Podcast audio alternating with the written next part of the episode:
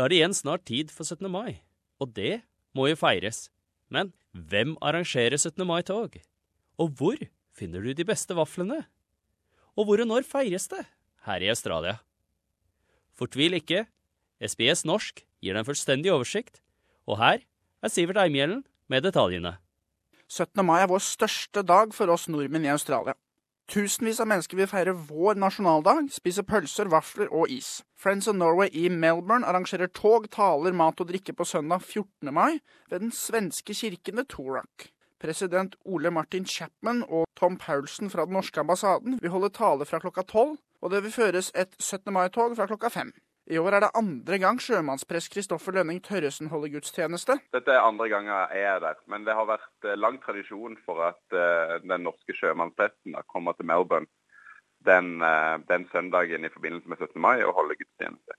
Han melder at feiringen som går av stabelen 14. mai, vil bli en typisk norsk feiring. Min rolle i Melbourne på de sitt 17. mai-arrangement, de arrangerer det på søndag den 14. mai.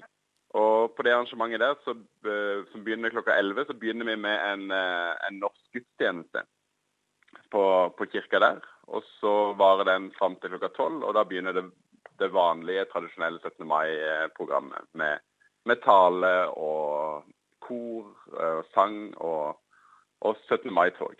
I fjor solgte 17. mai-billettene til Ansa Brisbane ut på ett kvarter. ANSA-arrangør Eidis Jonsdotter forteller at utlendingene setter like mye pris på 17. mai som oss nordmenn. Billettene ble solgt ut på typ et kvarter. Og så fikk vi veldig mange spørsmål om kan dere legge ut flere. Jeg hadde ikke internett til den gang, jeg fikk ikke tid og sånn. Så da måtte vi rett og slett spørre folk om det var noen mulighet for å få litt ekstra kapasitet, for vi hadde så stor etterspørsel. I Melbourne melder Ansa sin Facebook-gruppe at det vil feires med en toretters middag, kake og taler på PJ O'Brien ved South Bank. De advarer om at plassene er knappe, og at man bør melde seg på gjennom Facebook. Og i Perth arrangeres det feiring på 17. mai ved The Aviary, som er rett ved Perth Central Station.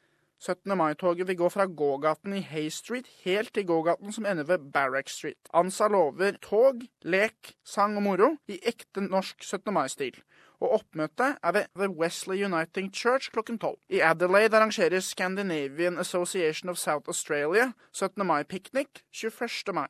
De lover leker, bunader og nasjonalsang spilt av Adelaides lokale tyske korps fra klokka halv ett.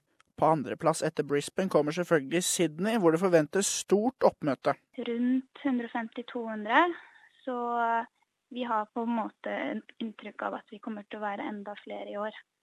Eh, med tanke på at eh, ikke alle fikk billett i fjor. Rebekka fra ANSA forteller at ikke kun ANSA-medlemmer kan få feire til Sydney. På 17. mai så vil det først være en samling i Hyde Park, hvor det vil bli salg av kaker og leker. Eh, det er både for familier bosatt i Sydney og studenter. Og etterpå så vil det være et felles tog ned fra Hyde Park til Operahuset. Og så vil da folk kunne gjøre hvert sitt. Før for senere på kvelden vil det være cruise eh, for alle studenter i Sydney. Hvis man er student, en norsk student i Australia og må være med på feiringen, hva må man gjøre da? Eh, hva du må gjøre, det er bare egentlig å gå inn på Facebook-siden vår. Og så kan du da linke til eventet. og Der står all informasjon om hvordan man kan delta, hva vi tilbyr og hva opplegget går ut på.